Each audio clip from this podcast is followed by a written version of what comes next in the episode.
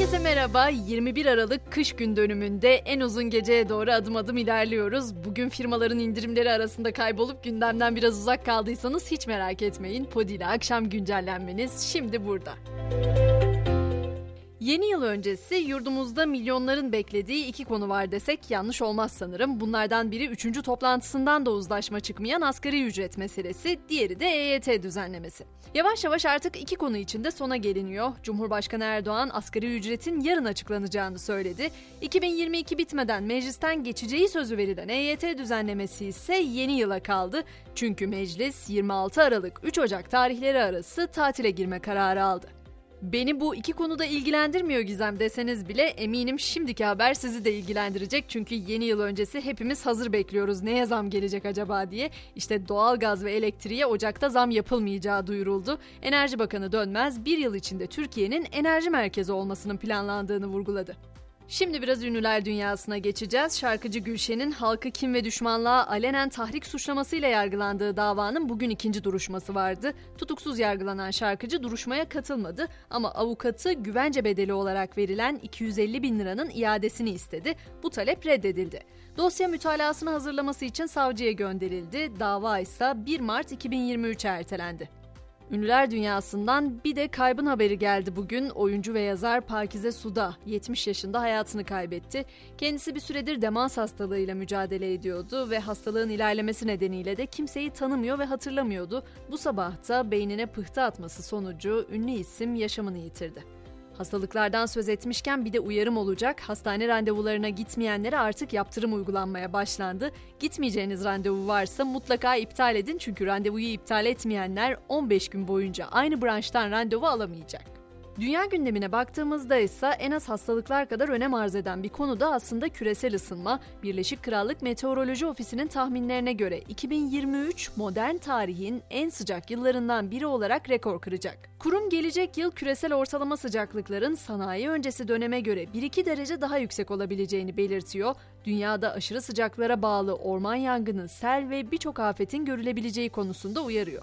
Önümüzdeki yıl için belki rekor bir sıcaklıktan söz ediliyor ama Ukrayna hala soğukla baş etmeye çalışıyor. Rus ordusunun Ukrayna'daki kritik altyapılara ve enerji tesislerine yönelik yoğun saldırıları devam ederken savaş hayvanları da vurdu. Ülkede yaşanan elektrik kesintileri nedeniyle başkent Kiev'deki hayvanat bahçesinde hayvanların ısınabilmesi için odun sobaları kuruldu. Avrupa'ya baktığımızda ise orada da hala hem enerji krizinin hem de ekonomik krizin etkilerini görebiliyoruz. Fransa'da tren kontrolörlerinin grevi nedeniyle cuma günkü her üç tren seferinden biri iptal edildi. Tabi Avrupa için kritik bir dönem aslında Noel tatili yaklaşıyor çünkü ve hafta sonu beklenen 800 bin tren yolcusundan yaklaşık 200 bininin yolculuk yapamayacağı belirtiliyor. Teknoloji aleminde ise oldukça önemli bir iddia gündemde. Buna göre Microsoft yayın hizmeti Netflix'i 190 milyar dolara satın almak istiyor. Reuters'a göre bu satın alma 2023'ün ilk yarısında gerçekleşebilir. Netflix reklam destekli yeni abonelik hizmeti için reklam ortağı olarak Microsoft'u seçmişti zaten. Anlaşmanın temelinde ise Microsoft'un cihazlarında bir video oyun akış sistemi sunma arzusu olduğu belirtiliyor. Bizi daha yakından ilgilendiren teknoloji haberi ise WhatsApp'la ilgili. Artık yanlışlıkla silinen mesajları geri almamızı sağlayacak bir özellik var. Bu yeni özellikle beraber mesajı kendim için sil özelliğiyle sildiğinizde ekranda 5 saniye boyunca geri al seçeneği çıkacak. Bu butona bastığımızda ise geri getirilen mesaj istenirse daha sonra herkes için de silinebilecek. Yani öyle yanlışlıkla parti resimlerimizi iş toplantısı grubuna attıysak, kendimizden sildiysek eyvahlar olsun demeyeceğiz. Hemen geri al seçeneğini kullanabileceğiz. Gelelim spor alemine. Arjantin'in Dünya Kupası'nı kazanmasının ardından sahaya girerek futbolcularla birlikte fotoğraf çekilen Nusret'in FIFA kurallarını çiğnediği belirtildi. FIFA'nın resmi sitesindeki kurala göre Dünya Kupası'na yalnızca galipler, eski galipler ve devlet başkanları dokunabiliyor. Bize döndüğümüzde ise Süper Lig'de 15. haftanın hakemleri ilk kez dijital atama yöntemiyle belirlendi. Haftanın öne çıkan maçı ise biliyorsunuz Trabzonspor Fenerbahçe derbisi. İşte o maçta Halil Umut Meler düdük çalacak.